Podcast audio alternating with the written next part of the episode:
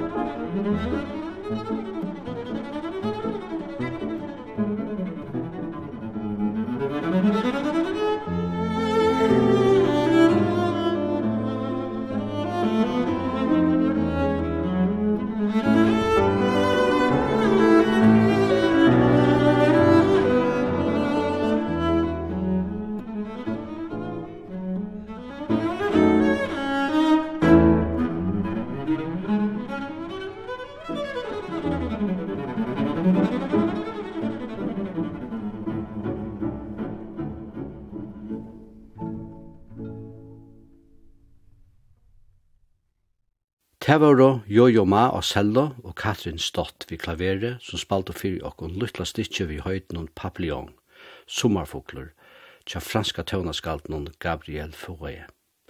Og herfra færa vi iver til nekka høylt anna.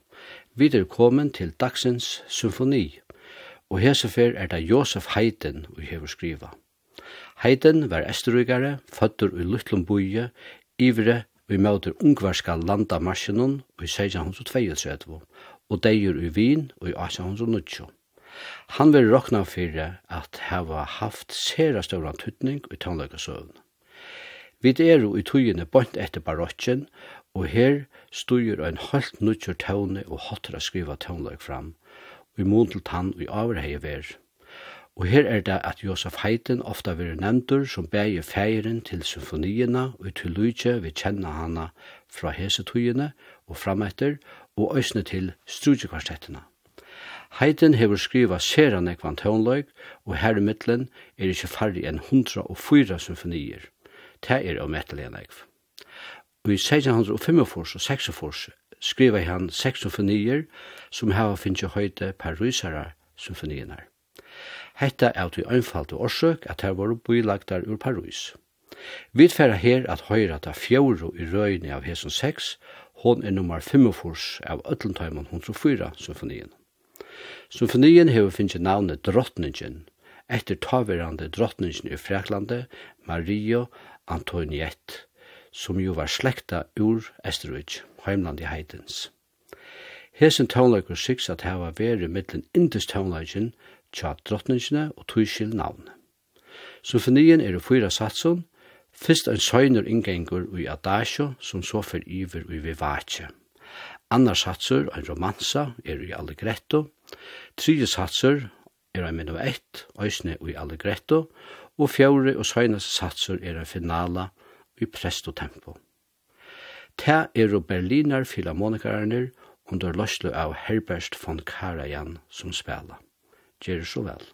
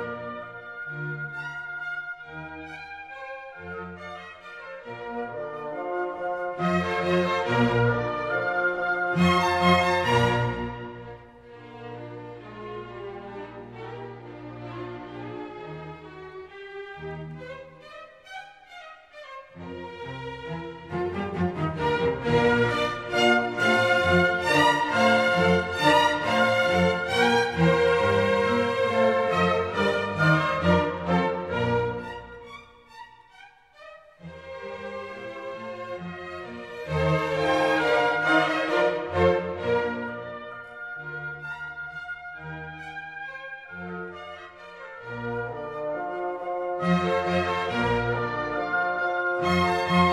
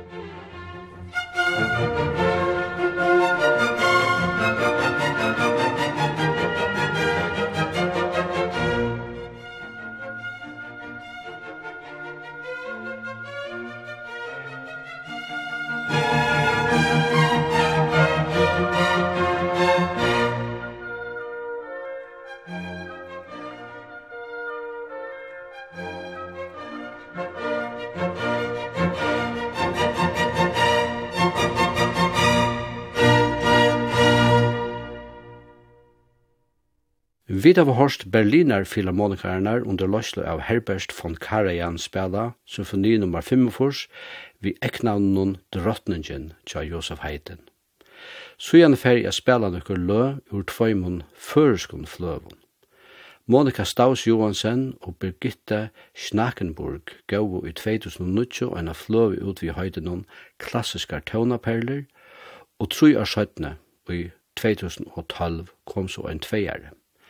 Monika, som er atter og sveis, men som nu hever bo i fyrjon og i mansalder, er jo kjent via om her av landet for sitt vekra violinspel, og hon er jo øysne kjent fra Fyrja symfoniakestre og Musikkskolan. Her spelar hon sama vi Brigitte Schnackenburg, som er dansk, og virskei som klaverlærare og klaverløykare i Fyrjon fyrir nøkron Aronsøyan. Fyrst høyra vi tar spela kjenda leie til Edvard Elgar, Salutamo, og søgjane spela til et israelst falkalev i høyden Uri Tzian.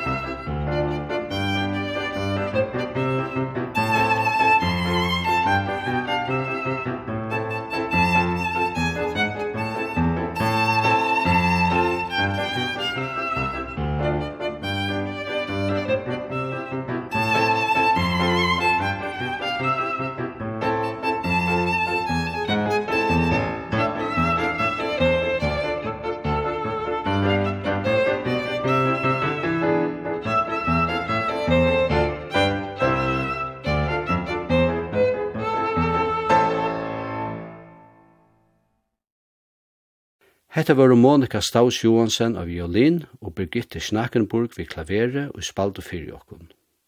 Jeg sier byrja vi av vide sendingen i dag for at høyra tøvnløyk og tvøymon imenskum føreskum utgavan. Nu kommer han søttena. Bøyn fyrir jævl kom ut forskon og fløva við tøvnløyke fyrir violin og akkordeon. Ta er og terboar Angelika Hansen, vi spelar violin og Anna Hydepol, vi spelar akkordeon, som hava givet ut. Ter er og boar kjentar fra tøvnagaluvinon i fyrjon og undervisa øysni i musikkskolan. Om anker er som kanskje ikkje kjennest vi navni av ljøvføren akkordeon, så er det instrumentet som anker pleier å kalla en knappa harmonika. Ljøvfører vil nu nekv nytt innan klassisk tøvnlag, og til er øysne nekvur nyskriva over tøvnlag og fire ljøvfører.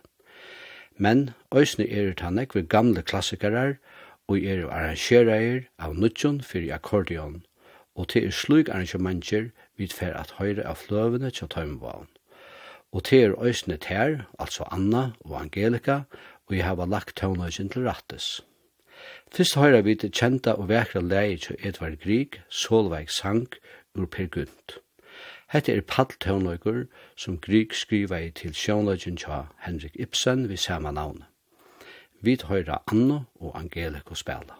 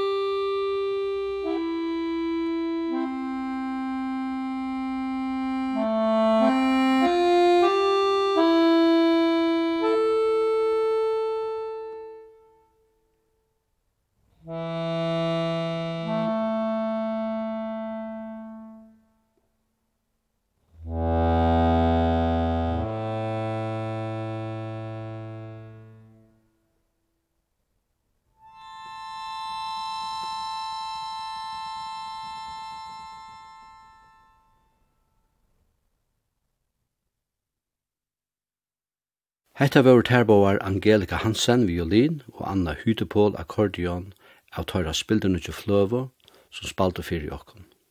Og ter halda fram vi en romanso tja tjekkiska tøvnaskalten Antonin Dvorak. Musik